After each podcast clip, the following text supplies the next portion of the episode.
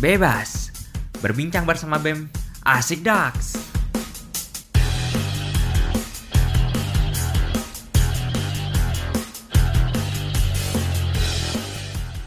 Halo semuanya, selamat malam. Uh, kebetulan ini kita tag-nya di malam minggu. Jadinya uh, kalau misalkan teman-teman dengerin ini semoga tepat di malam minggu juga karena bisa nemenin kalian. Uh, halo, aku Tiwi. Kembali lagi ketemu sama aku. Sebelumnya aku udah pernah ngisi podcast episode kedua nih di Bebas. Dan kali ini aku nggak sendiri, ada uh, host yang bakalan nemenin aku juga. Ini dia Rofifa. Halo Rofifa. Halo teman-teman podcast bebas FDK BD. Halo halo semua, aku Rofifa yang bakal nemenin teman-teman dan juga Mbak Tiwi nih di malam minggu yang kayaknya Mbak Tiwi sendiri sih. Soalnya kok bisa sih tag podcast di malam minggu? Kayaknya emang lagi nggak ada acara nih ya Mbak Tiwi ya. Betul banget, Mbak Rofifa juga ini kayaknya. Ya Aduh. Ya sih, Mbak Rofifa juga bisa tag gini kok iya ya, aku kalau aku bisa berarti aku kayaknya sama-sama jomblo nih kita nih Mbak iya, Tiwi nih ya. Banget. Makanya kita ngambil uh, jadwal, ngambil schedule di weekend-weekend di malam minggu banget nih jadinya nih ya. Iya, betul banget. Tapi it's okay. Meskipun jomblo ataupun punya pasangan, asalkan kita harus tetap jadi orang yang bermanfaat. Betul nggak, Mbak Rofifa? Oh, betul. Harus tetap happy, Kiowo. Iya, betul banget. Happy, Kiowo. Mbak Rofifa, aku mau numpang curhat nih Mbak Rofifa. Kebetulan karena kita sama-sama lagi sendiri, jadi kita harus memanfaatkan waktu ini dengan bercengkrama lah setidaknya. Aku Boleh tuh, nih, mau curhat apa nih Mbak Tiwi nih? Iya, aku mau curhat. Jadi aku tuh uh, di pelajaran aku, di mata kuliah aku, di jurusan studi pembangunan, uh, Fakultas Desain Kreatif dan Bisnis Digital yang keren banget ini, aku itu pernah dapat mata kuliah uh, tentang gender dan pembangunan gitu. Wah, dan ternyata uh, uh, uh, as I learn waktu aku uh, diajarin sama dosen dan juga pelajaran yang aku dapatkan itu, aku sering kali dapat kesimpulan yang sering banget hitungannya tuh sering banget kalau uh, posisi perempuan, terutama di negara kita ini, uh, lumayan gimana ya? Ada timpangnya gitu loh, Mbak Rofifa. Jadinya, mm -hmm. jadinya kalau misalkan di dunia kerja, terutama, apalagi di dunia industri, itu malah uh, jarang banget. Dan kebanyakan pelakunya, pekerjanya yang menggerakkan itu didominasi oleh cowok gitu loh. Padahal kalau misalkan perempuan eh, nggak uh, kalah keren, apalagi perempuan itu sebenarnya kalau kita ya di antara kita semua kita uh, sering banget mendapati kalau perempuan itu juga punya otak yang nggak kalah cerdas gitu. Apalagi perempuan juga dinilai lebih rajin jika dibandingkan sama laki-laki. Meskipun itu nggak menjamin loh. Tapi itu cukup membuat aku sebel sih Mbak Rafifah. Menurut Mbak Rafifah gimana? Ya, aku setuju banget nih sama Mbak Tiwi. Bener-bener kita tuh masih merasakan walaupun udah di era revolusi industri uh, eh, 4.0 juga udah kayak bener-bener kayak masih merasakan adanya ketimpangan-ketimpangan bahwa laki-laki itu lebih wah, lebih keren dibanding perempuan padahal kita juga udah tahu banyak juga perempuan-perempuan yang kini hadir dengan uh, inovatifnya dengan gebrakan-gebrakan barunya tapi masih aja terasa kurang gak sih Mbak Tiwi? Kayaknya masih aja kayak laki-laki tuh lebih di atas perempuan. Nah ini juga yang bikin aku nih juga ikut kesel sebenarnya nih Mbak Tiwi nih. Iya betul banget. Uh, apalagi, uh, aduh, pokoknya kita kalau terlalu bahas banyak-banyak gini emang harus ada yang lebih ahli nih soal dunia uh, industri ekonomi dan pekerjaan-pekerjaan lainnya yang ada di Indonesia ini Mbak Rufifah aku uh, ada nih. Nah. Uh, uh, ada nih orang yang pastilah tahu soal hal hal-hal kayak gini. Dan terutama emang lebih berpengalaman oh, daripada kita. ini? penasaran ya? Penasaran Aduh, penasaran banget. Jadi penasaran, kita oh nggak berdua God, doang oh oke okay lah kita panggil aja udah lama-lama banget orang-orang bakalan dengerin kita kita panggil. Mbak Ica. Halo Mbak Wah, Ica. Ada musiknya nih. Tereng teng teng teng teng. Halo Mbak Ica. Jangan Eurobon. Halo semuanya. Halo Rafifa, halo Tiwi. Selamat malam. Halo, selamat, selamat malam, malam juga Mbak Ica. Selamat Mbak Ica nih malam ada minggu. Waktu, Uh, uh, iya, betul banget. Mbak Ica ada waktu malam minggu emang uh, emang kosong atau uh, meluangkan waktu khusus untuk kita nih, Mbak? Kalau malam minggu, karena kebetulan dua hari lagi kita kuliah ya, jadi aku menyiapkan diri untuk kuliah, jadi aku menghabiskan waktu di rumah buat tidur-tiduran, karena nanti nggak akan ada waktu buat tidur-tiduran. Tapi di sela-sela waktu aku nonton drakor dan segala macamnya, aku mau uh, berbagi sama kalian semua kayak gitu. Sebenarnya kita mau bahas apa sih Mbak Tiwi nih? Eh, kayaknya kok kita sampai lebih mendatangkan uh, narasumber yang benar-benar wah banget nih kayak Mbak Ica nih. Iya, sebelum kita masuk lebih jauh, siapa tahu ini eh, pendengar-pendengar pada penasaran Mbak Ica ini siapa, dari mana, udah punya pacar atau belum, kan siapa tahu. Jadi Mbak Ica silahkan perkenalkan diri dan kesibukannya. Oke, halo semuanya yang dengar podcast ini. Kenalin, nama aku Chandrica atau Ica. Mungkin ada beberapa yang udah tau aku, eksis banget. ada yang udah tau aku, mungkin ada yang belum. Kalau misalkan belum tahu, aku anak manajemen bisnis angkatan 2019 um, sekarang bukan aku lebih ke kuliah sih. Dan aku lagi ngejalan berapa bisnis juga karena aku daftarin di skripsi by bisnis doain juga ya teman-teman. Dan mungkin kalau kalian kepo uh, kepo-kepo sama aku bisa uh, cek LinkedIn aku. Cari aja Chandrica pasti nemu deh uh, akunku juga Terus uh, kalau misalkan kepo sama kegiatan sehari-hariku, jadi bisa cek di Instagramku. Sekalian nambah followers juga kan ya. Boleh kan ya promosi dikit, Mbak? Aduh, boleh banget dong. Siapa tahu nanti uh, semakin banyak koneksi, semakin mudah urusan kita gitu kan ya Mbak Ica dan Mbak iya, Rofa. Bener banget. Ya, aku pengen nambah ya. temen juga nih yang dengar-dengar ini mungkin ada interestnya sama-sama aku kan. Jadi mungkin bisa kita uh, mutualan gitu. Siapa tahu ada jadi temennya Mbak Ica, teman-teman yang dengerin podcast ini yang kalau mau bisa jadi temennya Mbak Ica, tanya-tanya ke Mbak Ica, follow Instagramnya Mbak Chandrica atau linknya. Uh, ya, Mbak tadi kayaknya udah penasaran pertanyaan deh.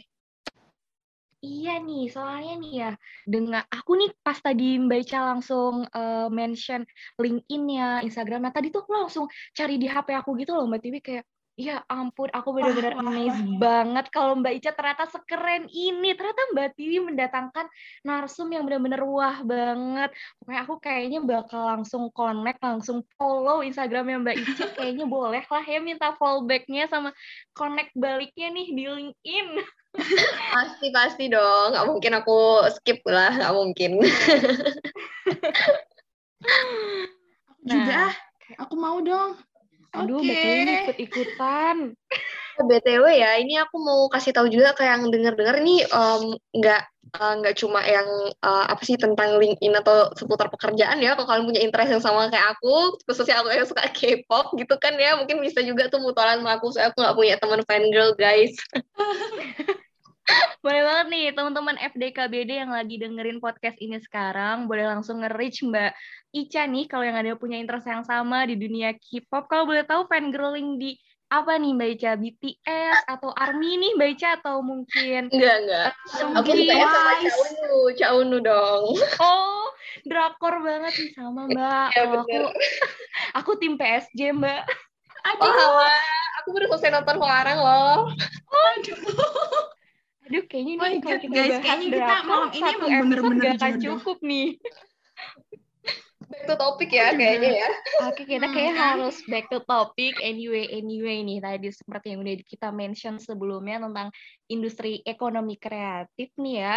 Kan udah berbagai kegiatan ekonomi nih yang tengah berjalan di masa pandemi ini pastinya dipengaruhi dengan berbagai kemajuan yang ada di era globalisasi sekarang. Contohnya nih perkembangan dunia di tengah globalisasi yang udah memberikan banyak warna baru ya ke kegiatan ekonomi masyarakat baik dalam kegiatan konsumsi, produksi, hingga distribusi. Kayak misalnya nih, sekarang belanja sayur aja ibu-ibu tuh udah bisa dari rumah loh teman-teman FDKBD. Jadi udah nggak perlu lagi yang namanya kita desak-desakan ke pasar, antri panas-panasan, becek-becekan. Jadi kita nih udah bisa semuanya serba mudah dengan ekonomi kreatif ini. Nah, karena gelombang ekonomi yang dipengaruhi oleh globalisasi tadi yang mengenalkan kita semua kepada konsep ekonomi kreatif sendiri nih. Karena kita mau bahas ekonomi kreatif langsung dari pakarnya nih, dari Mbak Ica sendiri nih. Sebenarnya nih pasti teman-teman FDKBD pada penasaran kan, sebenarnya ekonomi kreatif itu apa sih? Kan kita mau bahas tentang ekonomi kreatif nih, tapi ternyata nanti teman-teman belum tahu ternyata ekonomi kreatif itu apa. Jadi mending kita langsung tanya sendiri ke Mbak Ica, apa sih Mbak sebenarnya ekonomi kreatif itu dan kenapa ekonomi kreatif itu sekarang lagi happening banget nih di masa-masa sekarang, terutama di masa-masa pandemi seperti sekarang nih Mbak Ica? Oke, mungkin aku langsung jawab aja kali ya. Um, kalau dari aku sendiri, BTW sebelum aku ambil podcast ini juga, aku juga nyiapin juga kan buat teman-teman supaya nanti aku nggak uh, salah memberikan informasi. Jadi aku bakal kasih tahu secara teoritis dulu ya dari beberapa artikel yang udah aku baca, kira-kira ekonomi kreatif itu apa sih kayak gitu. Nah, kalau dari yang aku baca, ekonomi kreatif itu adalah konsep untuk merealisasikan pembangunan ekonomi yang berkelanjutan berbasis kreativitas. Jadi intinya untuk untuk ekonomi kreatif itu adalah kreativitas teman-teman. Jadi teman-teman itu bisa memanfaatkan sumber daya yang bukan hanya terbarukan, bahkan tidak terbatas, yaitu kalian bisa memanfaatkan ide yang kalian miliki, gagasan yang kalian miliki, dan bakat yang kalian miliki, kayak gitu. Jadi uh, kalau misalkan aku interpretasikan sesuai dengan pemahamanku sendiri ya, ekonomi kreatif itu intinya itu adalah gagasan ataupun ide. Karena dengan adanya pemikiran yang kreatif, misalkan ya teman-teman FDKBD yang punya pemikiran kreatif tentunya ya, karena nama fakultasnya juga Fakultas Desain Kreatif, dan pasti orangnya kreatif-kreatif juga nih. Nah itu juga bisa menjadi nilai tambah kalau kalian punya kreativitas atau mungkin uh, pemikiran yang inovatif kayak gitu teman-teman. Itu bisa jadi value kalian untuk nanti di dunia pekerjaan. Dan kalau misalkan ngomongin ekonomi kreatif ya, itu pastinya kalau misalkan kegiatan ekonomi lebih cenderung ke bisnis kan. Nah, kalau kalian berbisnis dan kalian punya pemikiran yang kreatif itu juga bisa menjadikan nilai tambah uh, buat kalian sendiri karena you can do what anyone else can't do. Jadi kamu punya kelebihan dibandingkan dengan orang-orang lain dan itu juga bisa memberikan bekal bagi kalian untuk menambah penghasilan yang lebih tinggi. Misalkan nih nanti kalian mau kerja atau mungkin kerja sambil kuliah, membangun bisnis itu bisa jadi nilai tambah kalian karena nggak semua orang punya uh, pemikiran yang kreatif kayak gitu. Mungkin uh, dari Mbak Rofifa setuju nggak nih kira-kira sama pendapatku? Wah, kalau ini sih aku setuju banget nih, bener-bener definisi ekonomi dan definisi kreatif dan dijadiin satu dan itulah yang tadi udah dimention sama Mbak Ica sebelumnya, yaitu konsep ekonomi kreatif itu yang berdasarkan ekonomi yang uh, ada kreatif-kreatifnya gitu nggak sih Mbak Ica? Iya, benar. Jadi uh, nggak cuma uh, memanfaatkan sumber daya yang kayak misalkan ada sumber daya apa yang bisa kita manfaatkan, tapi ternyata uh, sumber daya itu ada di dalam diri kita sendiri loh. Seperti pola pikir hmm. kita, kreativitas yang kita miliki, kayak gitu. Iya, jadi nggak cuma melulu sumber daya yang dari luar ya Mbak, tapi ternyata ya, dalam betul. diri kita sendiri, value yang kita miliki itu bisa menjadi sumber daya tersendiri. Wah, benar-benar ya. insightful banget nih. Jadi teman-teman FDKBD setelah nonton ini, kalau ditanya sama orang luar, apa sih ekonomi kreatif? Pasti udah bisa jawab. Karena udah tadi udah di-mention nih sama Mbak Ica sebelumnya nih. Gimana nih kalau Mbak Tiwi nih? Apa nih? Uh, gimana nih ekonomi kreatif ini jadi udah ngerti belum nih Mbak Tiwi nih? Nggak bisa jelasin lagi Mbak Rofifa ya gimana uh, ngomongin lebih dari setuju itu gimana? Aku nggak bisa menjelaskan lagi. Aku setuju banget. Apalagi uh, uh, kata-kata yang udah dibilang sama Mbak Ica kalau kita itu bisa melakukan uh, apa yang orang lain lakukan tadi gitu loh.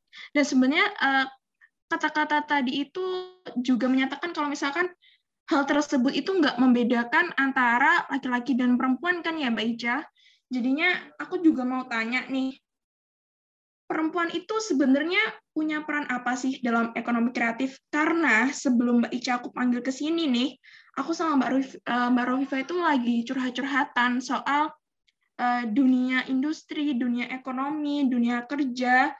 Kalau perempuan itu ternyata dinilai masih cukup minim gitu loh, dan masih dikuasai oleh laki-laki, didominasi oleh laki-laki gitu sebenarnya perempuan tuh punya peran apa sih Mbak di dalam ekonomi kreatif ini?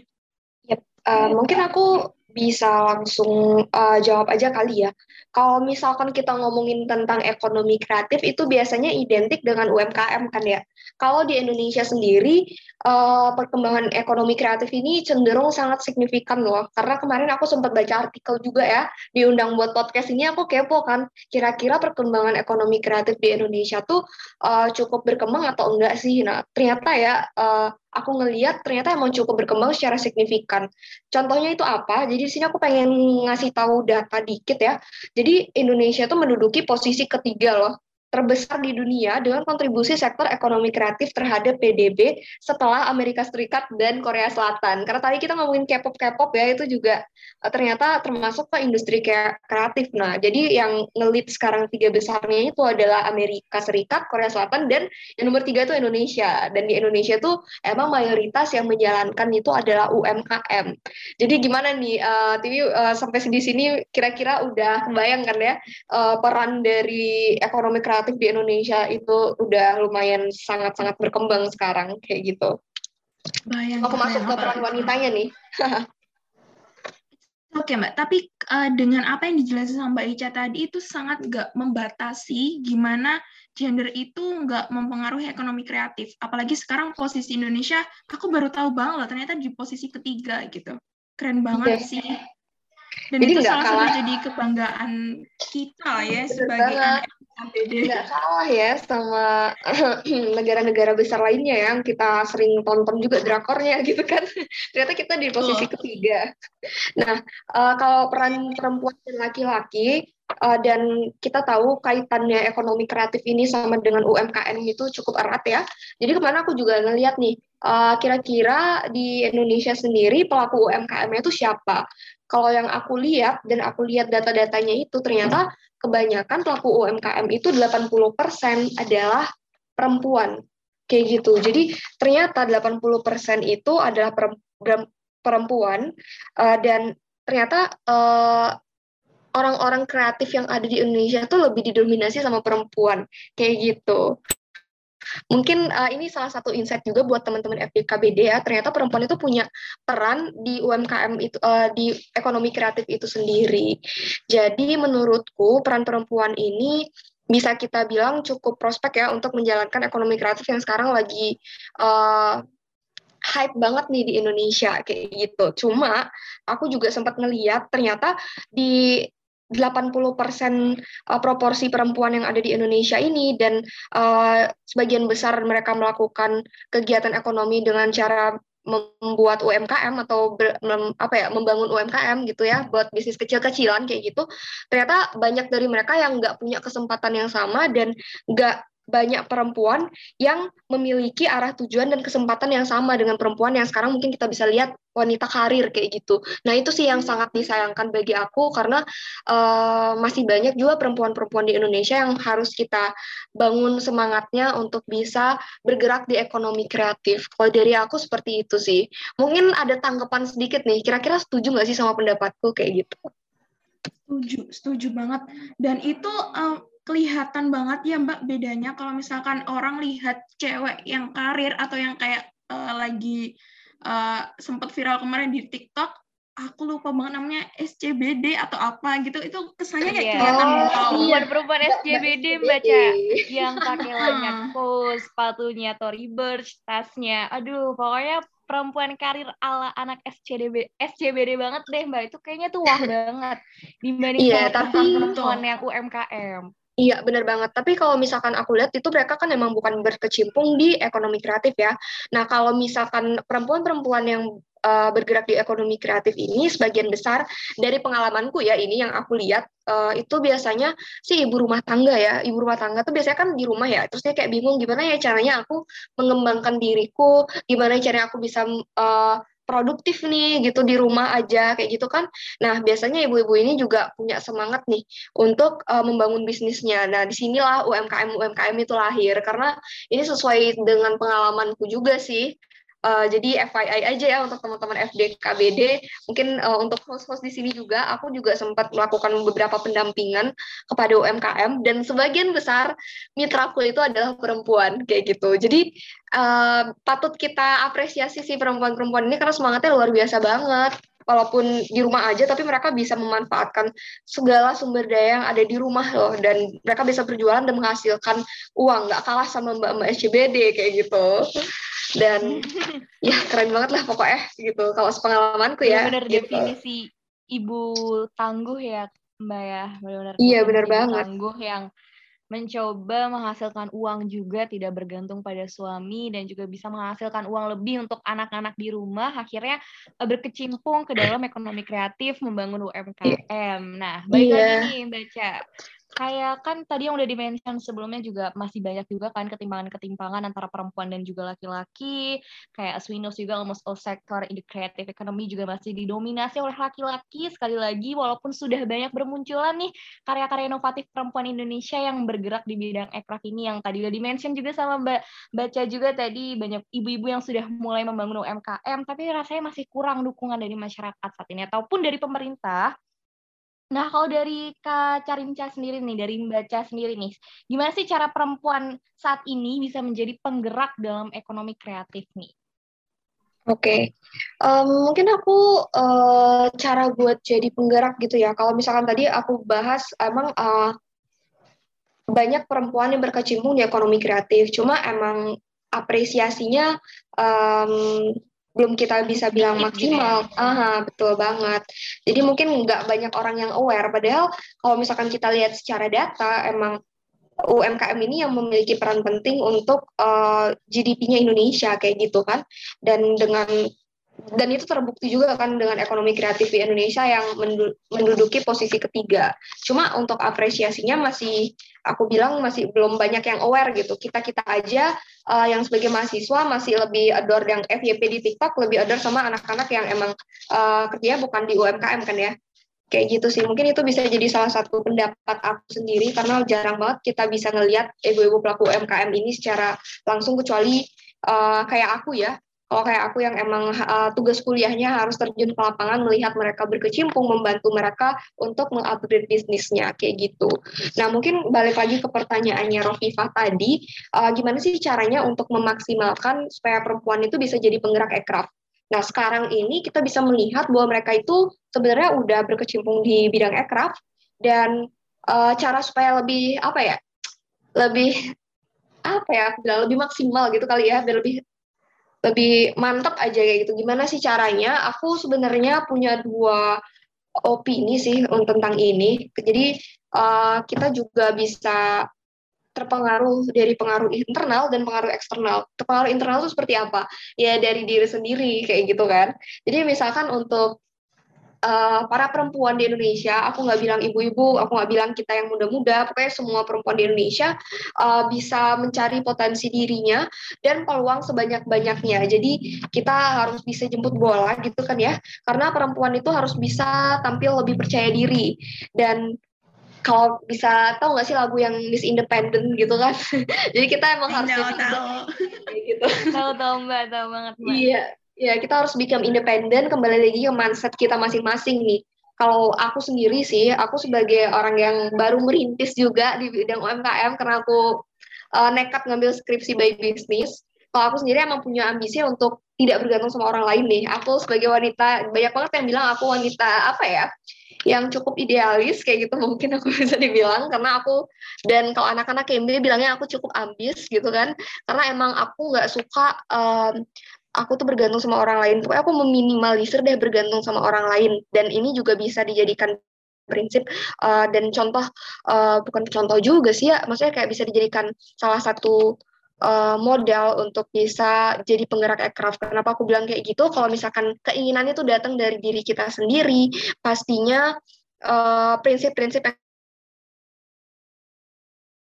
untuk terus belajar dan punya ambisi. Salah satu contohnya uh, ibu-ibu yang aku uh, ajak bermitra, ibu-ibu UMKM yang aku ajak bermitra, itu juga kebanyakan apa ya produk-produknya itu lebih ke bidang yang kreatif kayak gitu. Misalkan aku sempat uh, kerja sama sama Tiara Handicraft gitu kan. Nah itu juga bikin kerajinan tangan, produk-produk fashion. Terus ada juga aku bekerja sama sama ibu dari Malang kan ada ya itu uh, aku sempat kayak apa ya aku bilang kayak mendampingi beliau untuk uh, mengupgrade bisnisnya bisa bilang kayak gitu. Nah itu ternyata mereka cukup kreatif loh kayak gitu. Dan cukup uh, berambisi untuk terus mau belajar kayak gitu. Jadi aku nggak pernah kepikiran jajanan pasar itu uh, di uh, berikan inovasi dan bisa dijual kepada masyarakat dan itu yang aku dapat pelajaran kemarin di saat aku melakukan pendampingan dan di situ aku melihat ambisi mereka untuk terus belajar dan kalau misalkan itu berasal dari diri sendiri menurutku Uh, pasti bisa jadi penggerak aircraft karena setiap orang kalau udah punya ambisi, udah punya prinsip di dalam dirinya untuk terus belajar, pastinya nanti bisa jadi penggerak aircraft. Itu kalau misalkan dari sisi internal. Dan aku juga bisa bilang nih, mungkin kalau uh, Rofifa ini dari luar ya, tadi sempat kenalan juga ya sama aku dari luar Surabaya kan ya? Uh, iya Mbak, aku dari Bekasi nih, anak Jawa. Nah ini merantau ke Surabaya kan ya? Iya Mbak, aku merantau nih. Kayak Mbak Carica sendiri kan dari Bali ya Mbak ya? Iya betul banget. Jadi Masih itu juga banyak industri kreatif juga nih di Bali kan tempatnya pariwisata nih Mbak. Iya benar-benar. Nah itu aku bisa bilang kan kita berani keluar dari zona nyaman kita kan ya. Yang biasanya kita di rumah dimasakin mama, biasanya di uh, antar jemput atau mungkin bisa lebih manja gitu. Kalau di rumah ya lebih nyaman gitu. Tapi kita uh, memberanikan diri untuk ke Surabaya untuk belajar itu karena kita juga udah punya prinsip kan ya dan uh, itu juga jadi salah satu modal kita untuk bisa jadi penggerak aircraft. Karena kalau kita punya kemauan dan kita punya ambisi keluar dari zona nyaman menurutku itu udah salah satu langkah kecil yang bisa menjadi modal besar untuk ke depannya. Karena um, curhat dikit kali boleh nggak sih? Kan aku sering ngeliat juga ya banyak orang yang terjebak di zona nyaman gitu nggak sih? Ya nggak sih? Banyak banget banyak banget. Uh, kalau aku juga ya mbak ya sebelum mm -hmm. aku mulai mau berangkat yang ITS ini karena emang offline ini, aku tuh betul banget sejujurnya mau ninggalin rumah. Oke, aduh nggak siap, aku nggak siap menghadapi uh, dunia perkuliahan secara nyata gitu. Susah karena karena emang keluar dari zona nyaman tuh susah banget. Dan itu emang uh, mengumpulkan niat dan bisa memulainya itu pun udah dibilang keren banget sih, Mbak. Iya, bener banget. Ya, itu mungkin contoh kecil ya. Mungkin kita belum masuk ke bidang aircraft atau segala macamnya. Tapi kalau kita mau ke zona nyaman, eh, kita keluar dari zona nyaman, terus um, kita punya ambisi, tujuan kita tuh apa sih, dan kita emang bener-bener uh, teguh sama tujuan kita, menurutku itu juga salah satu uh, model perempuan Indonesia untuk bisa jadi penggerak aircraft. Karena uh, banyak orang tuh terjebak di zona nyaman dan sudah nyaman sama dunianya kan. Jadi kayak nyoba hal baru tuh udah mager kayak gitu kan. Males banget deh udah udah enak kayak gini. Jadi ya udah segini segini aja gitu. Tapi kalau uh, berkaca dari pengalamanku sendiri aku punya tantangan sih untuk diriku sendiri. Karena mungkin aku sifatnya idealis juga ya. Jadi aku punya mindset kalau misalkan uh, hasil yang aku dapat dengan usaha aku sendiri tuh akan 100 kali lipat lebih uh, apa ya aku lebih pride aja gitu sama uh, usahaku sendiri dibandingkan uh, aku nggak nyobain apa-apa aku diem-diem aja gitu dan aku nggak tahu ini uh, terlalu ambisius atau gimana ya cuma kalau sekarang itu kalau misalkan aku libur nih ya, aku libur terus aku diem di kamar kayak sekarang ini seharian, aku ada kadang-kadang ngerasa bersalah juga kayak gitu kan. Jadi kayak, kok aku diem-diem aja ya, apalagi aku ngeliat snapgram teman-teman lagi pada produktif kayak gitu. Itu juga jadi salah satu apa ya, um, bisa jadi aku bilang kayak ada ambisi dalam diri kayak gitu sih. Mungkin Rafifah uh, ada tanggapan gak nih sebelum aku ngoceh-ngoceh terus gitu. Wah, kalau kalau kayak tadi uh, Mbak Cia sendiri udah merasa bersalah malah jadi toxic produktif pro, uh, productivity kayaknya ya Mbak Cia ya kayak udah Iya benar. Karena kayak aku lihat ya, ini paling semuanya perempuan-perempuan kan. Jadi kalau iya. misalkan perempuan-perempuan yang emang punya ambisi untuk jadi independen untuk jadi independen nih. Aku ini jomblo-jomblo semua kan ya tadi aku dengar yeah. kalian cerita. Nah itu kalau misalnya kalian punya mantan buatlah mantan kalian menyesal gitu kan aduh, mungkin. Aduh kayaknya ini kalau itu. ada seru nih mbak ya. Iya betul iya, betul. bener -bener, ya, mbak. Apa ya, bisa jadi salah satu motivasi gak sih? Motivasi betul, dan juga pelarian gak sih mbak? Ya tapi pelariannya positif ya. Gimana nih mbak Dewi nih? Boleh nih dicoba nih pokoknya diambis-ambisin terus kita banyak cari kegiatan biar lupa dan membuat mantan Yes. menyesal gitu. Iya, Yes. mungkin pelariannya Yes. bisa ke aircraft nih. Misalkan aku pengen punya bisnis nih. BTW ini anak saya di pembangunan semua kan ya.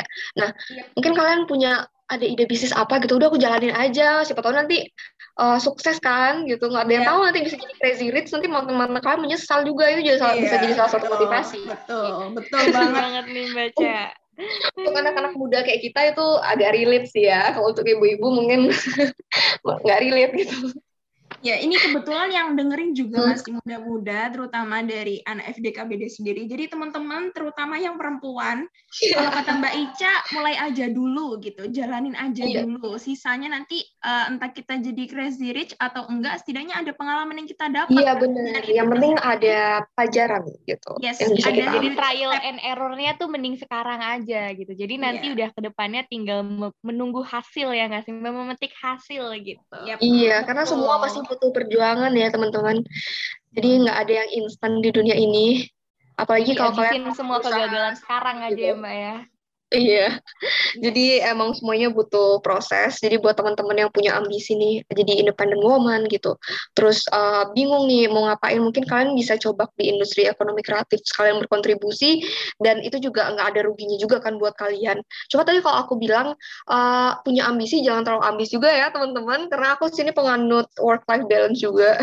jadi kalau misalkan ambis tahu batasnya aja sih, jangan sampai nanti kalian misalkan uh, bisnis yang nggak jalan gitu ya mungkin kalian jadi stres atau gimana itu jangan karena semua hal wajar kalau dari aku sih gitu sih pesan-pesannya.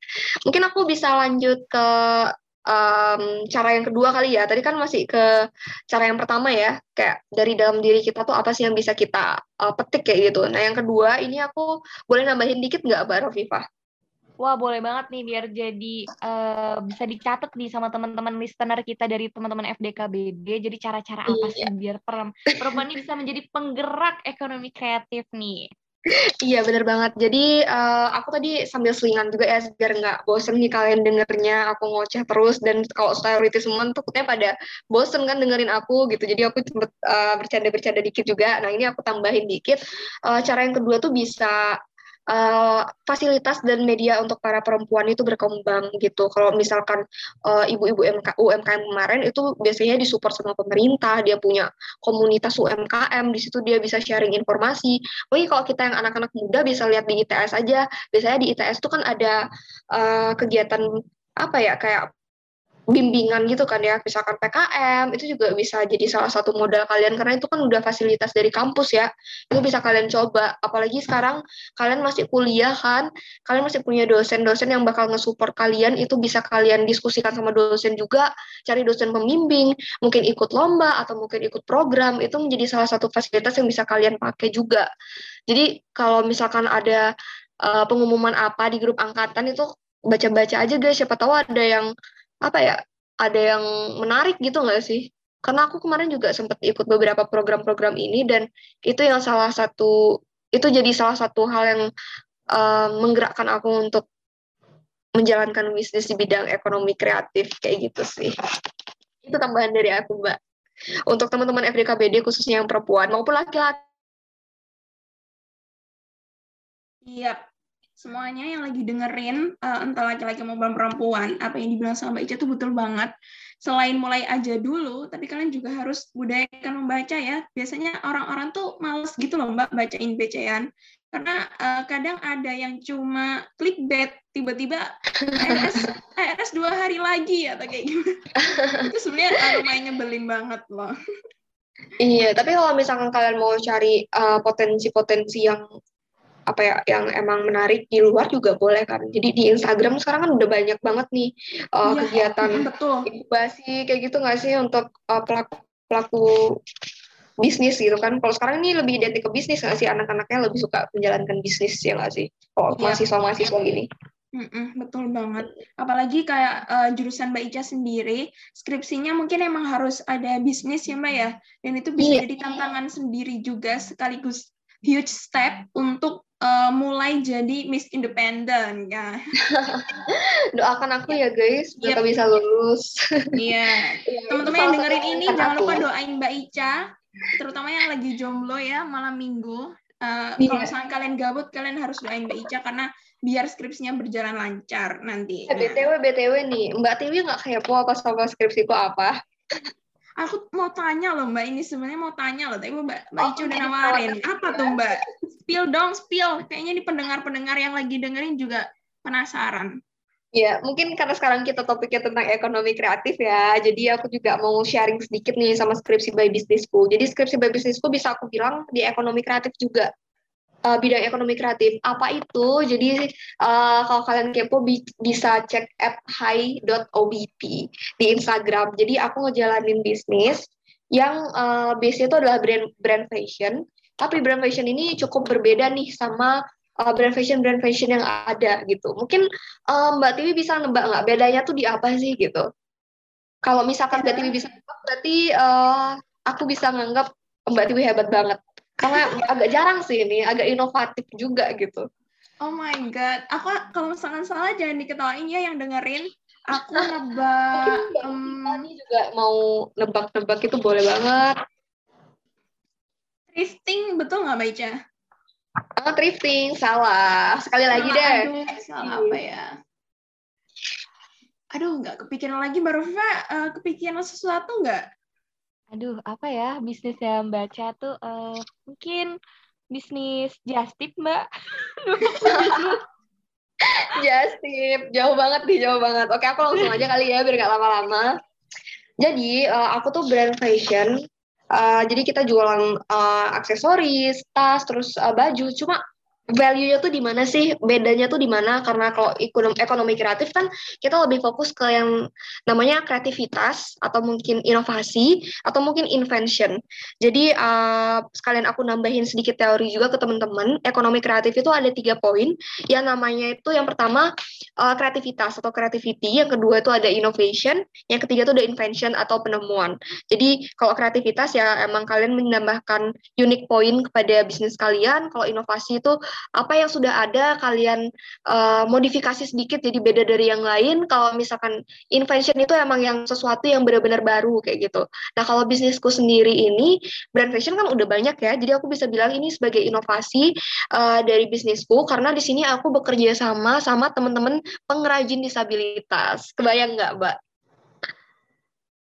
Seru banget tuh bisa collab. Jadi benar-benar ada yang namanya eh, para teman-teman disabilitas juga bisa tetap berkarya ya, Mbak ya. Iya benar. Jadi tujuan aku sendiri di skripsi by bisnisku ini ya yang namanya bisnis pasti pengen nyari untung kan.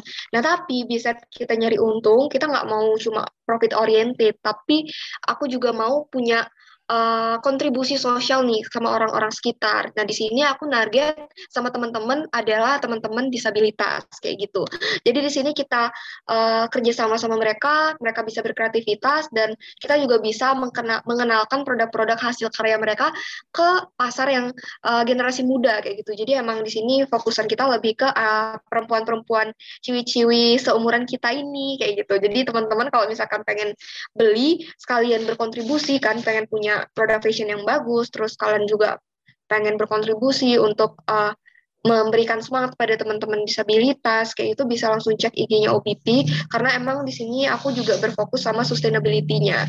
Jadi apa sih uh, value sosial yang aku berikan itu adalah ke teman-teman disabilitas ini. Jadi kita kolaborasi lah sama UMKM UMKM yang ada di Indonesia yang fokusannya juga ke teman-teman disabilitas kayak gitu sih kalau dari aku.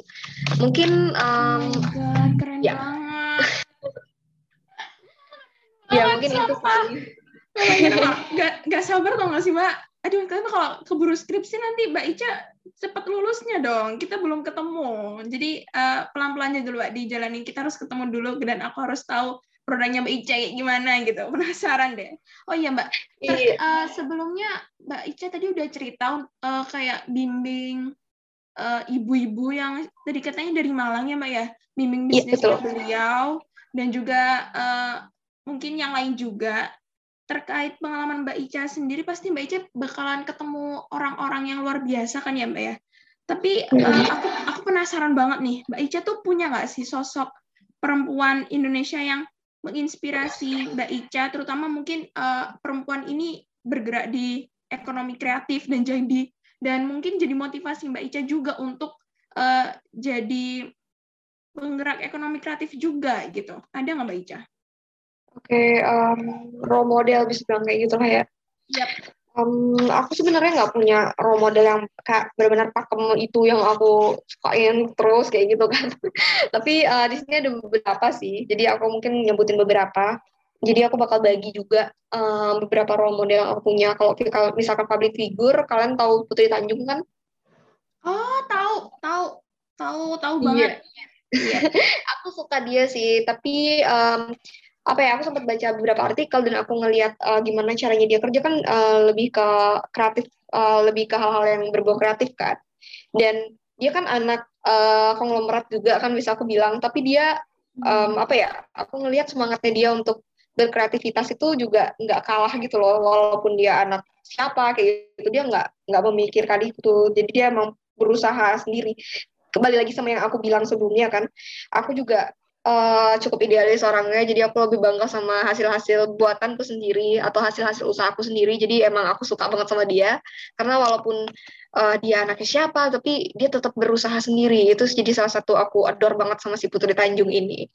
Kemudian kalau um, role model yang menginspirasi aku sebenarnya ada di sekitar aku ya. Jadi kalau kayak kemarin itu um, aku kerja sama sama beberapa UMKM itu juga aku ngelihat semangatnya mereka itu aku jadi kagum sendiri aja gitu. Karena ibu-ibu ini pada semangat gitu. Walaupun hujan ya dia naik motor ke hotel untuk ikut kurasi untuk ikut pelatihan. Jadi aku adore banget sama ibu-ibu ini. Jadi kemarin aku sempat pelatihan di uh, Malang juga kan. Aku datang ke Malang buat ngasih pelatihan ke beliau. Dan aku ngeliat emang semangatnya luar biasa banget. Kemudian aku juga sempat ketemu sama UMKM dari Bali juga itu salah satu wanita atau tokoh wanita yang cukup terkenal di Bali juga karena dia uh, memiliki inovasi membuat eh, produk-produk herbal kayak gitu. Nah itu juga aku adore banget karena walaupun udah umurnya udah cukup lumayan ya, tapi emang masih semangat banget kayak gitu. Nah itu jadi salah satu role model aku sih mungkin. Karena aku suka melihat orang-orang yang di sekitarku ini. Jadi role modelku nggak jauh-jauh kayak gitu sih. Iya, betul, betul. Kadang uh, role model tuh emang lebih nyaman dan lebih gimana ya lebih patut dicontoh tuh malah yang di sekitar kita ya Mbak Ica ya karena yeah. kalau misalkan jauh-jauh atau misalnya yeah. yang sering terpampang di layar yang kita tonton itu kita sebenarnya nggak tahu secara menyeluruh gitu iya benar banget nggak tahu yeah. baliknya nggak tahu dalamnya gitu Bener banget. Jadi uh, untuk role model sendiri itu aku lebih suka orang-orang yang emang tadi kita ngomongin tentang perempuan ya. Aku emang suka perempuan yang independen, perempuan tangguh gitu loh yang kelihatannya seperti itu. Aku seneng banget ngelihatnya karena aku pengen bisa gitu nanti setelah aku lulus. Kok sekarang masih kadang manja-manjanya dikit ya sama orang tua, walaupun lagi belajar untuk mandiri gitu. Iya, abis ini nanti orang tua yang dibiayain deh sama Mbak Ica. Iya, amin, amin. Betul, doakan gitu. Amin. Dan ini Mbak Rofifa gimana? Mbak Rofifa sendiri ada nggak role model yang uh, bergerak di industri eh di bergerak di ekonomi kreatif gitu? Kira-kira ada nggak Mbak Rofifa? Waduh, kalau itu aku aku siapa ya? Dia aku jadi bingung sendiri nih. Karena jujur aku kurang apa namanya? Maksudnya ini bener-bener uh, bahasan uh, pertama kali aku tentang ekonomi kreatif. Aku nggak kayak belum seperti Mbak Ica, tapi doain aja semoga nantinya bakal kayak Mbak Ica juga. Aku belum pernah terjun langsung ke apa ekonomi kreatif ini, jadi aku masih belum ada role model yang benar-benar uh, ekonomi kreatif banget gitu. Cuman mungkin kalau di ekonomi kreatif aku mungkin suka banget sama Lizzy Para. Mungkin ada beberapa teman-teman FDKBD di sini juga yang mungkin pakai produknya BLP gitu. Oh, alah. Iya, jadi aku benar-benar kayak amazed banget gimana dia cara karena aku waktu itu sempat ngikutin biografinya juga gimana dia ngebangun bisnis make up-nya di tengah uh, dan ternyata uh, juga alhamdulillah banget kayak ternyata di pandemi gini uh, eh, BLP booming gitu. Iya, Karena bener. mungkin aku juga ada ketertarikan di dunia uh, kecantikan juga jadi mungkin aku yeah. kayak oh gila keren banget nih dan itu jadi role model tersendiri aku jadi pengen buka apa ya pengen buat bisnis make up juga gitu mungkin by Rofifah gitu kan Oh my god, aku mau dong. Bisa videoin ya Mbak Tiwi ya. Iya, semoga ya. Sekarang, sekarang banyak banget kan yang uh, bisnisnya di bidang kosmetik dan itu lokal dan aku ngeliat juga tuh kemarin ada banyak bisnis-bisnis kosmetik lokal uh, yang sekarang malah nge-hire brand ambassador ke Korea nggak sih? Kayak nah, kemarin Scarlett, yes, ya nggak sih? Iya. Nggak sih? Kalau kalau dari Mbak Ca sendiri, aku mungkin mau nanya juga ya. Kalau mungkin kalau dari aku, sebenarnya aku sebenarnya ya, walaupun aku suka Korea, tapi aku kurang setuju kalau brand ambassador-nya tuh BA-BA-nya tuh orang Korea. Kenapa? Karena kan tidak merepresentasikan kulit Indonesia. Iya, benar uh, gimana? Kenapa aku suka Lizzy Para? Karena dia memberikan shade yang warna-warna Indonesia banget dengan kulit-kulitan Indonesia. Jadi nggak hanya melulu kosmetik itu putih gitu, tapi juga yeah. Iya. uh, orang-orang dari timur juga bisa merasakan bahwa cantik itu tuh nggak harus putih gitu. Jadi sebenarnya aku kadang sedikit sedih kalau misalnya brand-brand kecantikan sekarang, brand-brand lokal tuh malah nge-hire BA-BA dari Korea gitu. Walaupun aku suka Korea tuh kayak kayak why kenapa nggak orang Indonesia? Padahal orang Indonesia tuh banyak yang cantik dengan kulitnya sendiri gitu nggak sih Mbak? Betul betul. ya betul. itu mungkin aku bisa bilang sebagai salah satu teknik marketing kali ya. Kalau misalkan BLP Beauty itu emang caranya dia untuk memasarkan produk dan kayak mendeliver produknya dia itu seperti apa yang kayak kamu bilang tadi ya. Jadi shade-nya juga disesuaikan sama uh, kulit orang-orang Indonesia. Mungkin itu emang salah satu prinsip yang dia pegang. Aku pengen BLP Beauty ini dikenal supaya um, emang relate sama produk-produk atau mungkin skin tone-nya orang-orang Indonesia. Itu bisa salah satu mungkin ya aku nggak bisa bilang eh, nggak uh, bisa gini juga. Aku aku juga nggak terlalu ngikutin BLP Beauty tapi mungkin aku bisa bilang cara dia mengomunikasikan value-nya dia kepada masyarakat. Nah tapi kalau misalkan yang uh, brand ambassador brand ambassadornya itu orang-orang Korea gitu mungkin kayak itu mengikuti zaman nggak sih? Kayak riding the wave gitu. Jadi kalau sekarang emang lagi uh, hype-hype banget Korea kayak gitu kan. Nah, itu dia langsung memanfaatkan itu karena aku juga pernah baca sebuah artikel gitu, katanya emang karakteristik di Indonesia, netizen-netizen Indonesia ini uh, cepat terpengaruh gitu kok sekarang emang hype-nya lagi uh, Korea ya semuanya lebih uh, interestnya ke Korea gitu. Nah, mungkin itu jadi salah satu teknik marketingnya dia kali ya, nah kayak brand ambassadornya pada orang-orang Korea semua gitu. Kalau dari aku hmm, semacam pro kontra sih dan kadang-kadang uh, produk-produk apa ya produk-produk kosmetik kayak Scarlett itu biasanya yang pakai kan uh, cewek-cewek ya, tapi brand ambassadornya Song Joong Ki, di mana itu kan cowok gitu kan ya.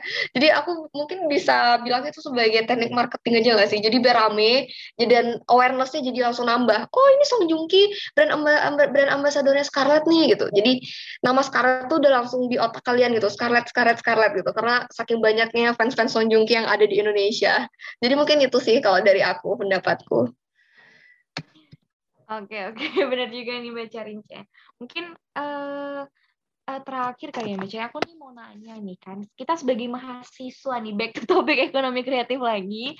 Yep. Uh, mungkin kan nih um, karena banyak banget nih Kak, mungkin dari teman-teman mahasiswa, terutama yang perempuan nih, masih kurang minatnya dalam ekonomi kreatif, untuk join ke ekonomi kreatif ini. Karena mungkin terhalang stereotip persepsi masyarakat ataupun ketakutan-ketakutan yang muncul sendiri, misal ekonomi kreatif di sektor teknologi maupun teknik, karena kita kebetulan berada di kampus ITS, di mana kampus teknik, bahwa masih didominasi eh, oleh laki-laki, yang kayak udah disebutin tadi sama Mbak Tiwi. Jadi, untuk mencoba nih para mahasiswa perempuan mencoba kegiatan ekonomi kreatif ini jadi masih takut-takut karena terhalang stereotip tadi. Jadi kalau menurut Kak Carita sendiri nih, gimana sih cara narik anak-anak muda-muda seperti kita nih, khususnya yang perempuan, buat ikut dan turut andil dalam dunia ekonomi kreatif? Dan misalnya kalau udah ikut turut andil, sebenarnya tuh seberapa berpengaruhnya sih para pemuda dalam ekonomi kreatif ini nih Mbak? Oke, okay. uh, eh, lebih ke cara biar bisa apa ya bisa kita bilang kayak jadi uh, berkecimpung di ekonomi kreatif gitu kan ya. Mungkin tadi ini nggak jauh-jauh beda sama pertanyaan yang sebelumnya nggak sih? Yang bagaimana perempuan bisa uh, menjadi penggerak aircraft, benar nggak sih? Iya benar mbak.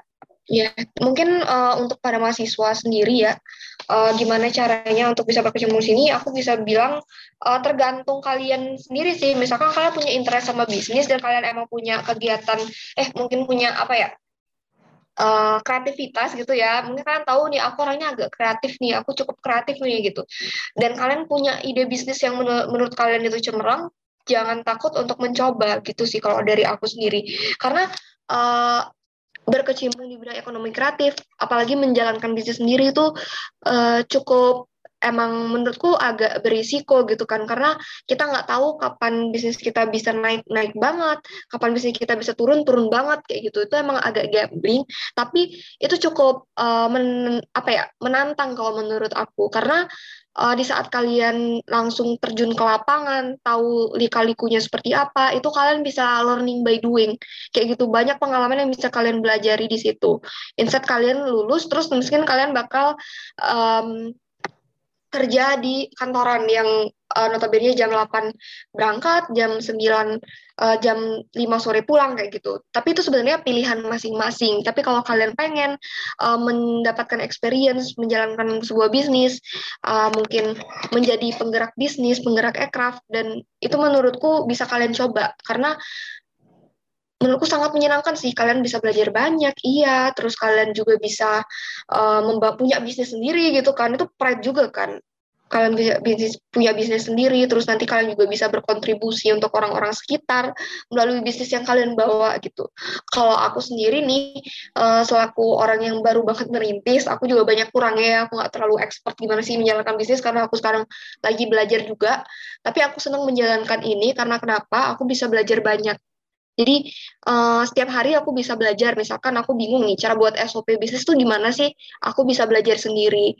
Dan aku cenderung orang yang nggak bisa uh, apa ya diam terus di depan laptop kayak gitu loh. Jadi aku lebih suka belajar itu terjun ke lapangan langsung. Jadi kayak otakku lebih jalan kayak gitu sih, logika aku lebih jalan. Misalkan aku dikasih case nih, bisnisnya kayak gini, itu aku lebih seneng aja gitu. Itu mungkin bisa kalian coba kalau misalkan kalian punya kreativitas atau punya ide bisnis yang um, menurut kalian bisa dijadikan bisnis yang memungkinkan untuk ke depannya. Itu sih kalau dari aku. Dan peran anak-anak muda, peran anak-anak muda sekarang aku ngeliat banyak anak muda yang udah uh, title-nya di LinkedIn tuh udah CEO atau foundernya apa gitu. Dan aku iya, ngeliatnya betul. bener gak sih? Keren banget gak sih? Aku tuh kadang-kadang insecure. Jadi aku tuh setiap malam ya aku setiap malam uh, selain nonton drakor dan selain ngefangirl buka Twitter gitu, tapi aku juga buka LinkedIn. Aku nge-scroll anjirnya uh, orang-orang semua nih udah pada berkembang banget ya anak-anak muda sekarang gitu. Aku sampai kadang-kadang insecure di umurku yang masih 20 tahun ini kok udah ada yang sukses banget ya, udah ada yang pinter banget. Bahkan kayak bisnisnya tuh udah gede banget gitu loh. Maksudnya kayak udah terkenal followers Instagramnya udah gede banget dan udah cukup produktif juga bisnisnya kayak gitu. Itu kadang-kadang bikin aku insecure loh. Dan ternyata emang anak-anak muda Indonesia sekarang tuh udah pada semangat semangat gak sih? Aku nggak bilang anak-anak yang founder atau menjalankan bisnis ya. Sekarang selebgram selebgram juga udah pada banyak kan yang anak-anak muda. Itu juga kadang-kadang aku adore. Aku mikir gini tahu pernah? Kayak gimana ya supaya bisa jadi selebgram soalnya kayak semua orang kayaknya pernah mikir deh karena kelihatannya kayak aduh enak banget kayak banget, gitu. kan? dia dapat produk promosi kayak gitu gitu ya tapi itu nggak gampang tau buat kontennya. ya kan? Buat konten-konten yang estetik sesuai yang para selebgram selebgram share sekarang itu kan nggak nggak mudah kan? Mereka ya, harus ngedit video mereka harus nyari angle yang bagus harus nyari lighting yang bagus juga. Kalau kalian melihat seleb TikTok juga kan itu butuh kreativitas. Nah itu semuanya iya. sebenarnya ada kaitannya juga sama kreativitas. Jadi nggak bisa aku bilang in, ekonomi kreatif itu cuma di bisnis atau UMKM aja. Dan sekarang-sekarang ada di TikTok banyak itu, artis-artis terkenal di TikTok, selebgram, kayak itu juga bisa kita bilang sebagai salah satu penggerak ekonomi kreatif. Karena dia kan juga supporting bisnis yang ada di Indonesia. Dan ekonomi juga terus berjalan. Kayak gitu sih kalau dari aku. Iya, betul. Betul banget. Teman-teman kalau misalkan uh, kayak apa yang dibilang sama Mbak Ica tadi, uh, nggak uh, nggak peduli kalian mau cowok atau cewek tapi ini mungkin memang bahasanya cewek aja. Jadi uh, kalian mungkin yang lagi dengerin apalagi cewek ini lebih fokus gitu karena karena tersebut gitu. Nah mulai aja dulu gitu. Jalanin aja dulu. Dan kalau misalkan ada hambatan atau gimana it's okay gitu. Terus apa yang dibilang sama Mbak Ica itu bisa jadi experience kamu bisa jadi pelajaran yang uh, step dan itu jadi step kamu sendiri gitu loh untuk memulai apa yang kamu cari itu tadi. Nah, kita udah bahas banyak banget nih soal apa yang tadi aku uh, curhatin sama Rofifa dan aku banyak dapat insight dari Mbak Ica gimana sih sebenarnya uh, perempuan itu di dalam ekonomi kreatif. Aku sendiri tadi sempat salah tangkap gimana maksudnya ya. Ternyata perempuan itu udah berperan banyak banget loh di UMKM Indonesia ini dan itu bergerak di ekonomi kreatif tadi dan ekonomi, ekonomi kreatif tuh luas banget nggak cuma sekadar produk kayak gimana atau uh, ternyata endorse endorse dan kreator-kreator TikTok yang mempromosikan produk lokal lewat karya-karyanya dia itu bisa dibilang penggerak ekonomi kreatif juga teman-teman yang lagi dengerin.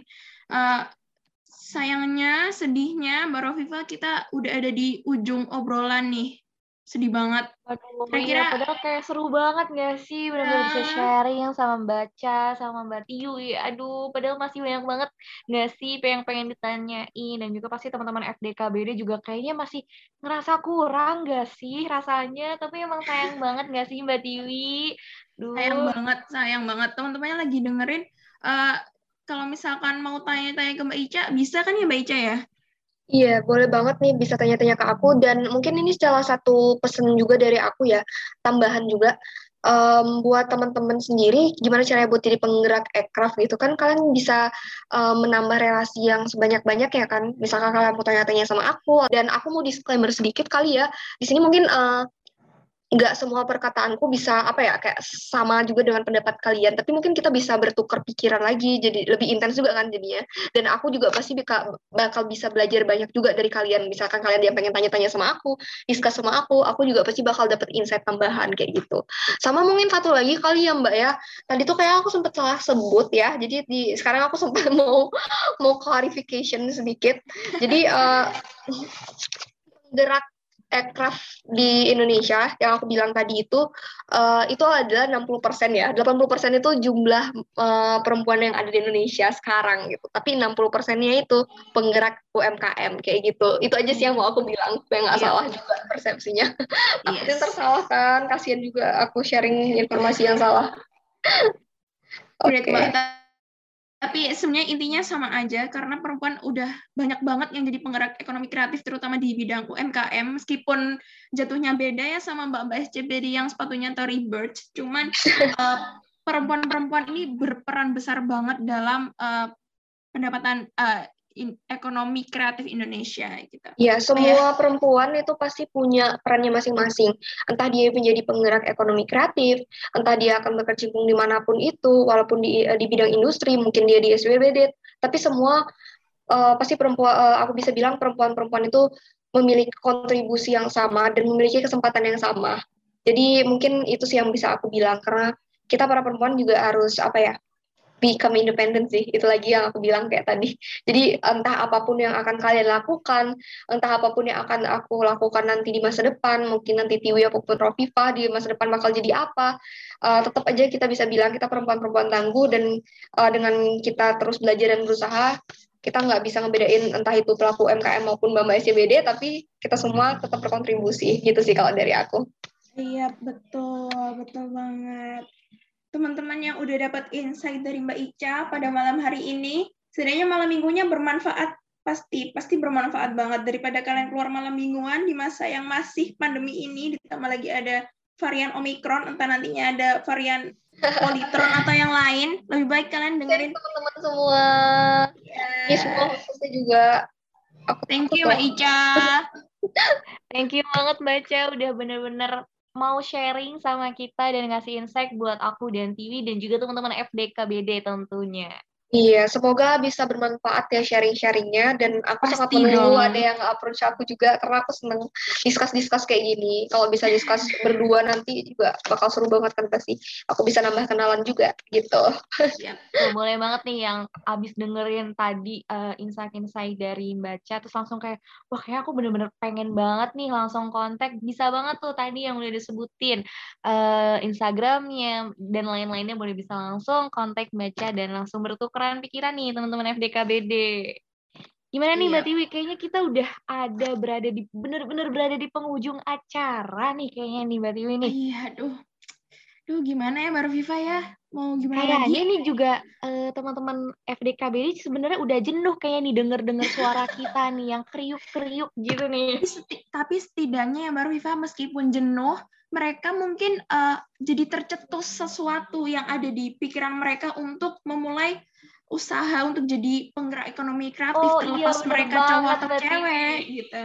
Iya. Yeah, Jadi abis dengerin uh, podcast bebas episode kali ini tiba-tiba habis ini ternyata yang langsung buka usaha kan we knows ya kan kita nggak ada yang tahu kan ke depannya Yep. gimana ternyata ini adalah salah satu eh, pintu utama pintu pembuka buat teman-teman FDKBD memulai usahanya karena mungkin bisa banget dicoba trial and error-nya tuh di masa-masa sekarang jadi kalau udah tua nanti kita tinggal menikmati hasilnya gitu nggak sih Mbak Betul Tiwi? banget, betul banget. Udah jadi crazy rich kalau kata Mbak Ica tadi. Aduh, Aduh, jadi pengen ya. kita di Surabaya ya, dikelilingi oleh crazy. Koko-koko dan cici-cici gitu kali ya. Ya, Aduh. saatnya melokal, saatnya orang-orang lokal harus mendunia dong. Aduh, benar Oke, banget. Mbak Viva, kita kayaknya udah mulai kebanyakan teman-teman ini kayaknya udah nggak sabar mau start eh, apa yang mau mereka lakuin di industri ekonomi kreatif ini. Jadi kita tunggu aja, siapa tahu bakalan ada brand-brand dan inovasi-inovasi yang bakalan muncul setelah ini. Amin. Amin, amin. Oke, berarti dari aku Rafifa dan juga dari teman aku Tiwi. Tiwi. Dadah, kita ucapin Dadah. dadah, buat teman-teman FDKBD. Ya, see you. Sampai jumpa di bebas selanjutnya.